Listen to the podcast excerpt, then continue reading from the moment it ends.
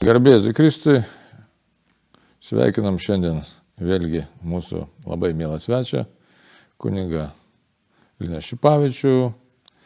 Dabar vėlgi tavo prisimintos tavo mokslus, visą gyvenimą mokaisi, tai kas tu Pač, ten? pačiam gal geriau pasakyti. Pasakyk pats, nes bus paprasčiau. Tai turiu magistro laipsnį iš biblistikos ir šiais metais taip pat apsigyniau magistro laipsnį iš klasikinės filologijos. Jau apsigynė, Jo. nu smagu. Tai Sveikinu. graikų lotynų kalba.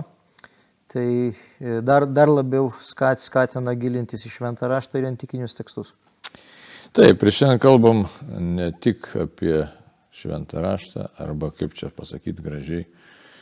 Kitaip, domina Luko Evangelija. Ne kodėl jinai domina, todėl kad mus domina Dievas iš tikrųjų. Ką Jėzus kalbėjo apie tėvą. Kaip tėvą suprasti. Ir e, žinom, kad viena centrinių Dievo savybių, pagrindinių, gal reiktų sakyti, savybių yra Dievo gailestingumas.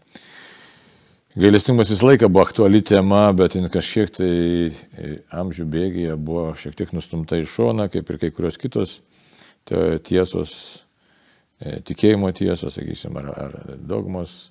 Dėl įvairių priežasčių čia e, galėtume ilgai išnekėti apie tai, nes, sakysim, kodėl šventoji dvasia buvo kažkiek tai primiršta už tai, kad reikia Kristaus asmenį ginti e, pasaulio sekuliarizacijos akivaizdai. Tai, va, tai dabar tiesiog e, gerbiamas mielas Linai, tai Dievo galestingumas, kas tai, kaip tu jį matai būtent tam švento rašto kontekste, arba tiksliau kaip šventas raštas pateikia, kaip pats Jėzus pateikia, nes labai tas platus, kultūrinis kontekstas, hebrajai, tas to laikmečio hebrajų kas kontekstas, tai kartais mums atrodo paprasta, bet iš tikrųjų nėra, gal nėra visai taip, na, pamatyti giliau. Kada kalbam apie Dievo gailestingumą, tai iš karto mums e, ta pagrindinė scena, kuri šventame rašte pristatoma, tai yra sunaus palaidūno scena, kur e, tėvas e, grįžtant į sūnų iš toli pamato, pats pribėga, parpuola ant kaklo, pabučiuoja, viską atleidžia. Tai mes šiandieną pabandysime būtent e, žvelgti į sūnų palaidūną, į sūnaus palaidūno istoriją, į konkrečias, e, sakykime, eilutes, konkrečias vietas, bet norint suprasti Luko Evangelijos pasakojimą, mes iš tikrųjų turėtume pažvelgti bendrais bruožais apie Luko Evangeliją.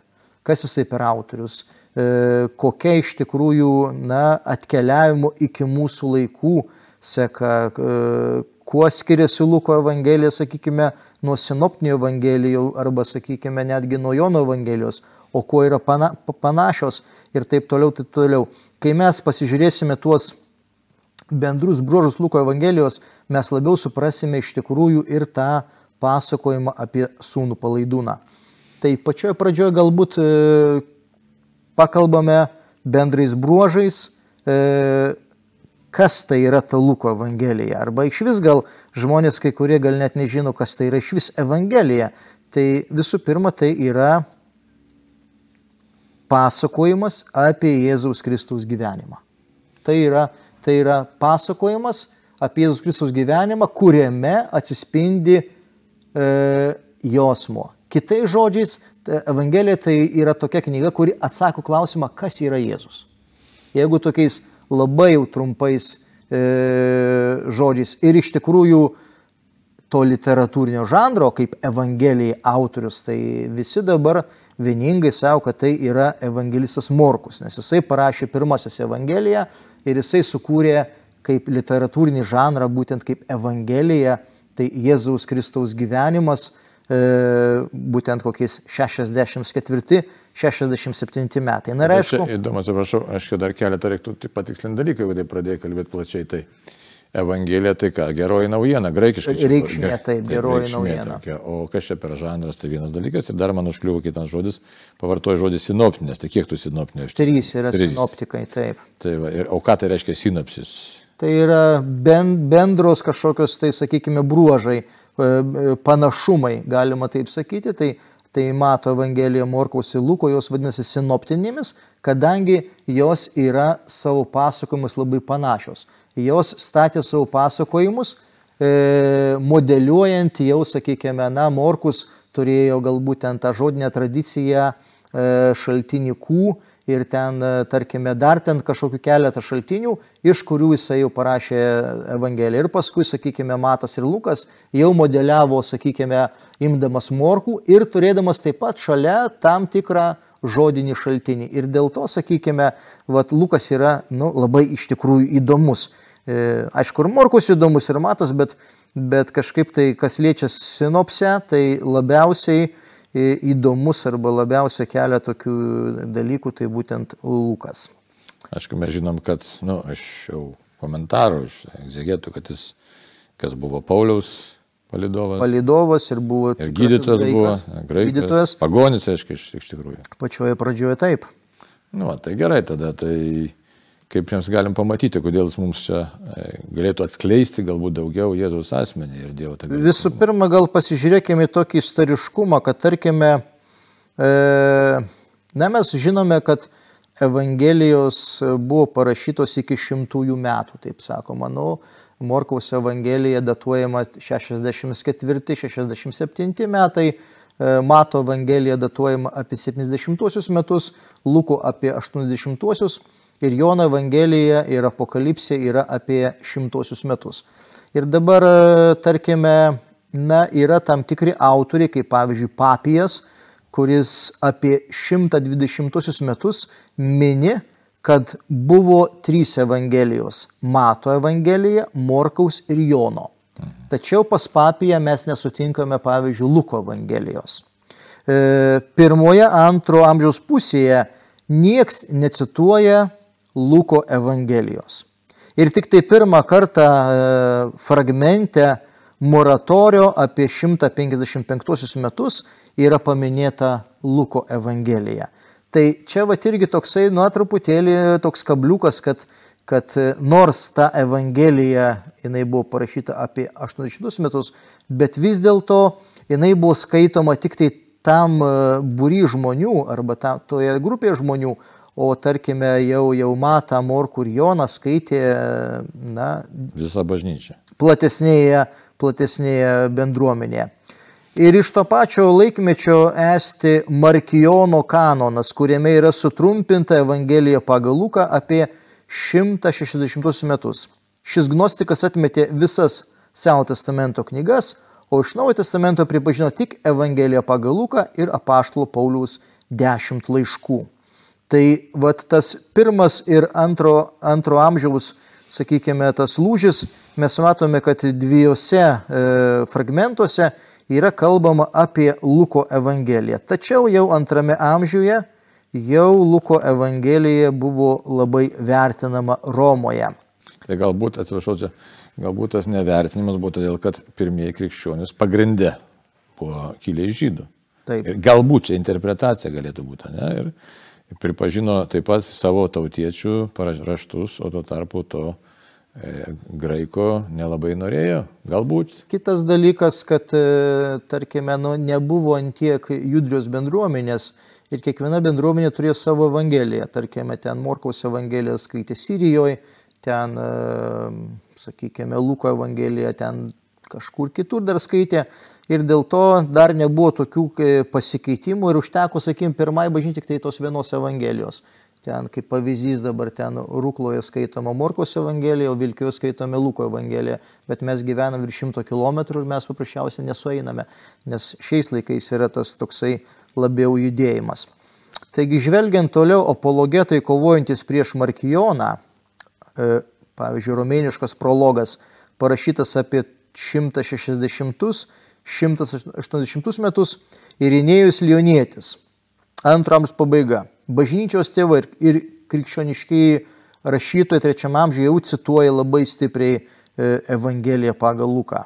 Tai jau praktiškai nuo 160 metų Irinėjus ir kiti bažnyčios tėvai, taip pat Justinas, kuris e, rašo pirmąją apologiją, Tacijanas Disesarionė taip pat e, cituoja būtent Luko Evangelija. Luko Evangelija buvo pripažinta Romoje, o iš ten pasklido į kitas krikščionių bendruomenės vakarų Europoje ir Mažoje Azijoje. Romoje buvo išsaugoti seniausi Luko Evangelijos tai rankrašiai. Ir atkreipkime dėmesį, kad rytam kaip Roma patvirtina, kad čia tik ta tikra Evangelija ar ne, kad tai nėra kažkokia tai gnostinė, kad tai nėra kelianti tam tikrų klaidų, iš karto pasilina ta Evangelija po visą, sakykime, Romos imperiją. Na ir galėtume dar kalbėti čia apie tokius kaip ir e, papirusus. Štai archeologai atrado pirmųjų amžių šešis papirusus. E, trečio amžiaus e, papirusai, pavyzdžiui, jisai minimas kaip P4, paskui P45 labai toksai svarbus papirusas, kuriame aptinkama Luko Evangelijų šeštas skyrius, devintas skyrius, Mm, toliau yra papirusas 69, irgi 3 amžiaus 75, e, papirusas 7, kuris jau apima 3 ir 4 amžių. Atsiprašau, reikia pažymėti, kad klausytėm, kad čia yra tiesiog ženklinimas tų rastų. Taip, taip, taip, tokie numeriai. Ir papirusas 82, kuris kalba 4-5 e, amžiaus. Tai vad pastebėkime, koks yra įdomus dalykas, kad e, Luko Evangelija, kaip mes čia minėjome, jinai buvo parašyta 800 metais, bet iki mūsų dienų atkeliavo tik tai iš trečio amžiaus, tik tai iš ketvirto amžiaus išlikę papirusai. Tie senesni papirusai paprasčiausiai yra neišlikę. Bet mes jau puikiai žinome, kad iš kitų autorių 160 metai, 155 metai, kada jau yra minima Luko Evangelija. Dėl ko taip mes čia dabar taip kalbame? O iš kur mes integralų tekstą turim tada? Integralų mes tekstą turime trečio amžiaus, jau yra Sinajaus kodeksas ir, ir, ir kiti kodeksai, kur jau yra visas Naujas Testamentas.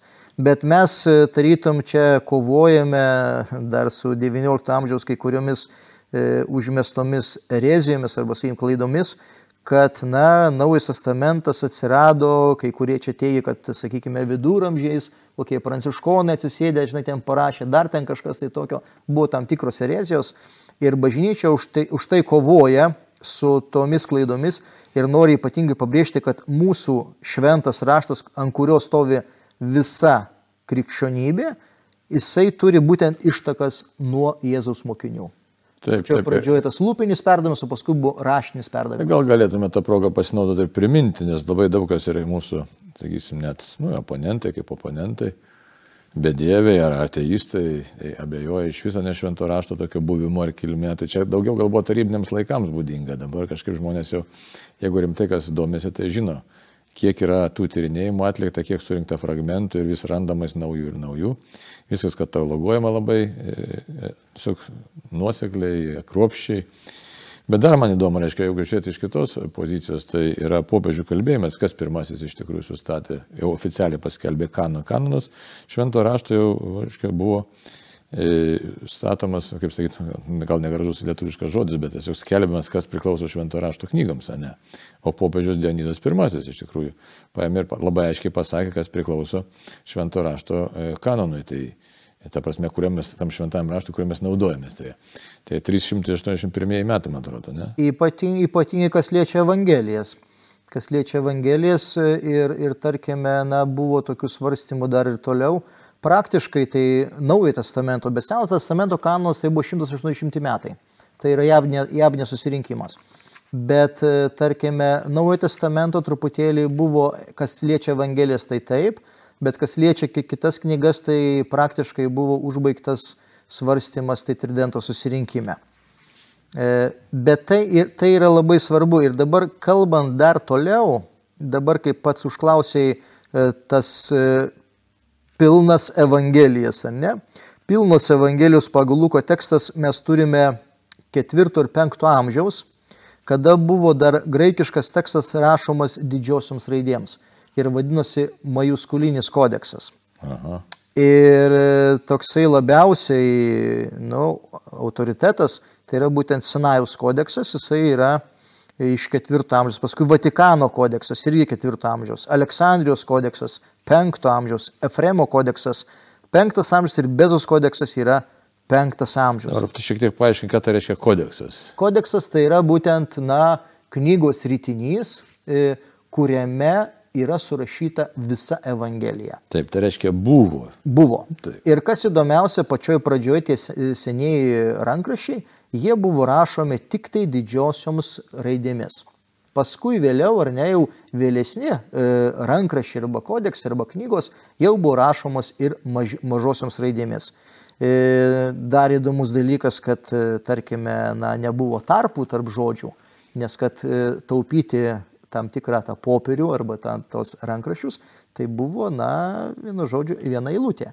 Ir tada turėjai antiek mokėti greikų kalbą, kad tu žinotum, kur reikia daryti tarpus, kur yra artikelis, kur yra žodis, kur... kur... Ir artikeliai buvo neįskaitų. Viskas, viskas buvo, tik tai, tik tai viskas bet, buvo. Bet pagal tai galim žinoti, reiškia, tas majuskolinis raštas, nu, tas didžiosiam raidėm rašyta, tai galim žinoti, kuriam laikmečiui priklausė tas. Taip, pagal, pagal raštą mes atpažįstame, kad, sakykime, na, majuskolinis buvo iki, iki penkto amžiaus, tai mes kažkaip tai vat, jau, jau dėliojam trečias, ketvirtas, penktas amžius. Tai o paskui atsiranda, atsiranda, na, ir tos mažosios raidės. Visiškai nepakitusioje versijoje nebuvo išsaugotas pirminis tekstas.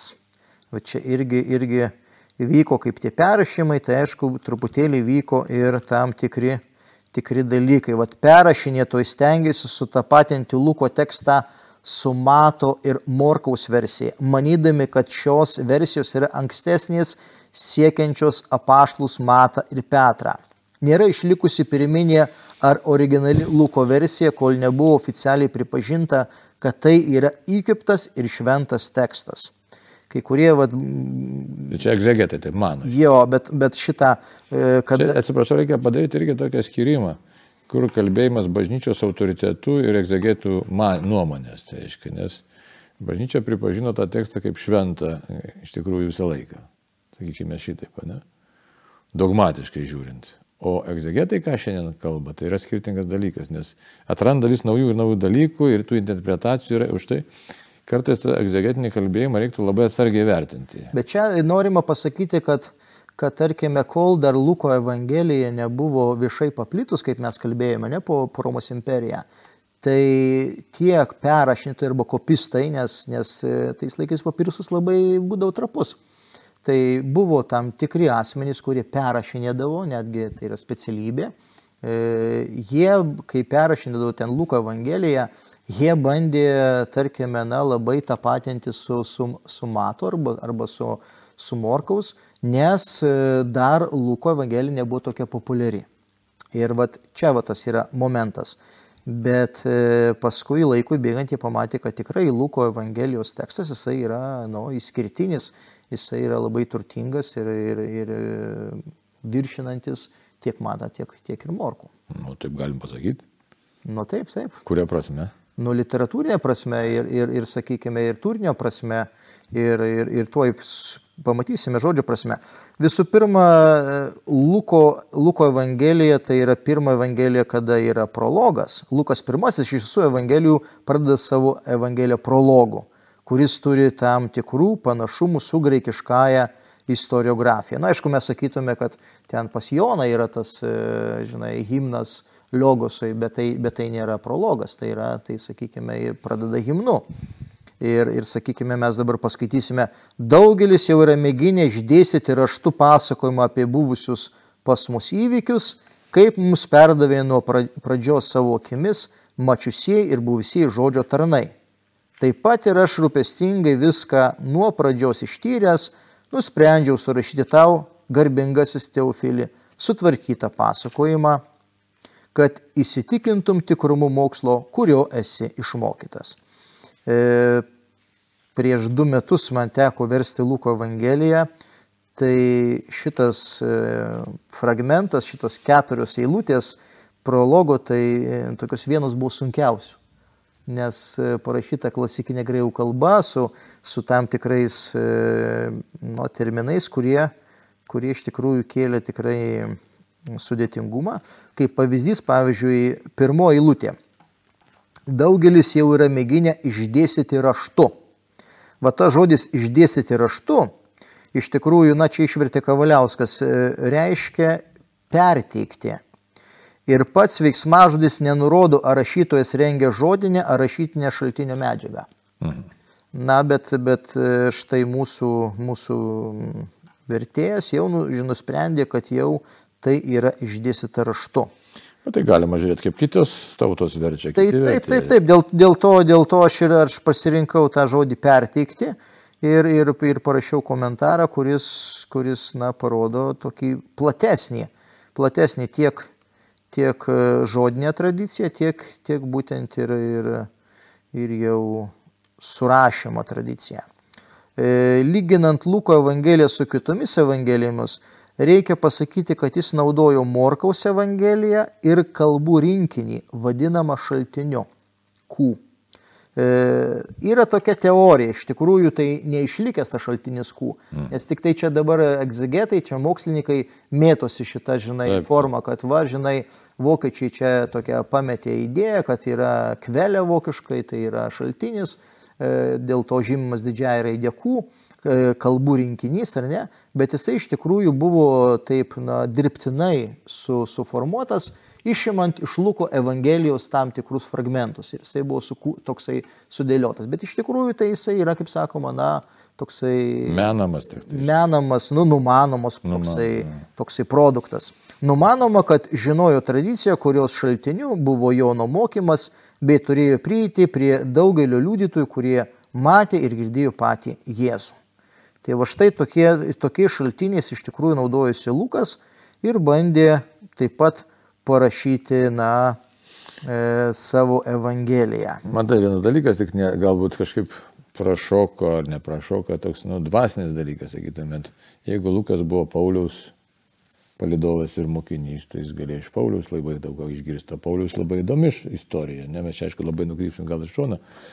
Bet Paulius iš tikrųjų nematė tiesiogiai Jėzaus, bet dvasinių kelių jis gavo, reiškia, įkvėpimą. Tai e, kaip jis ir pats pasakoja, aišku, galėtume žiūrėti, kaip tas Paulius, kaip jis tą įkvėpimą gauna ir kaip jis paskui tik pasitikrina s tuo mokslo tikrumu, kurį jis e, perėmė, gavo iš tikrųjų pasap, nuvykęs pas apaštalus. Bet matai, pavyzdžiui, Paulius kaip atsivertė, ar ne, tai jisai, na, mokslininkai taip kalba, kad apie kokią 9-11 metų jisai grįžo į savo gimtąjį Tarsą miestą. Ir jisai, suprantate, jau pradėjo bendradarbiauti arba kalbėti su tais pirmais krikščionimis ir klausyti visų katechezijų. Tai buvo pirmas toksai jo prisilietimas prie krikšč- krikščionybės, e, išgirsti iš kitų. O paskui, kada jisai pradėjo daryti jau savo keliones, kiek, po kiekvienos kelionės grįždavo į Jeruzalę ir tarytum atiduodavo nu, tą ataskaitą apaštalams ten, e, Jeruzalėje esantiems. Ir tada jisai jau turėjo tą tiesioginį santykį su, su paštalais. Tai e, Pauliaus istorija yra e, tokios e, dvi, du prisilietimai. Tai yra pirmieji krikščionys, ku- kur buvo Tarso mieste, ir būtent Jeruzalės krikščionys, kuriems vadovavo apaštalai. Taip, bet mes galim sakyti, kad e, tame santykėje būtent su Luku ir Lukas iš jo Taip. galėjo daug ką perimti, tiesiog iš jo žodinio pasakojimo, buvimo kartu.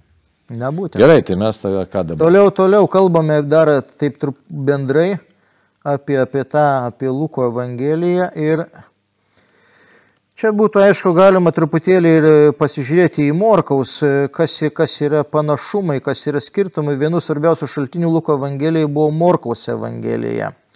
Lukas išlaiko Morkaus Evangelijos bendrą struktūrą. Ne? Krikštas, viešosios veiklos pradžia Galilėjoje, e, minijos entuzijazmas, farizijų rašto aiškintojų nusivylimas, apsireiškimas mokiniams, kelionė į Jeruzalę, įžengimas į Jeruzalę, Jėzų šventykloje, paskutinė vakarienė, pascha, suimimas, nukryžiavimas ir mirtis ir prisikėlimas. Tai va šitas tokius pagrindinius e, gyvenimiškus Jėzus momentus Lukas iš tikrųjų išlaiko, e, semdamasis Morkos Evangeliją.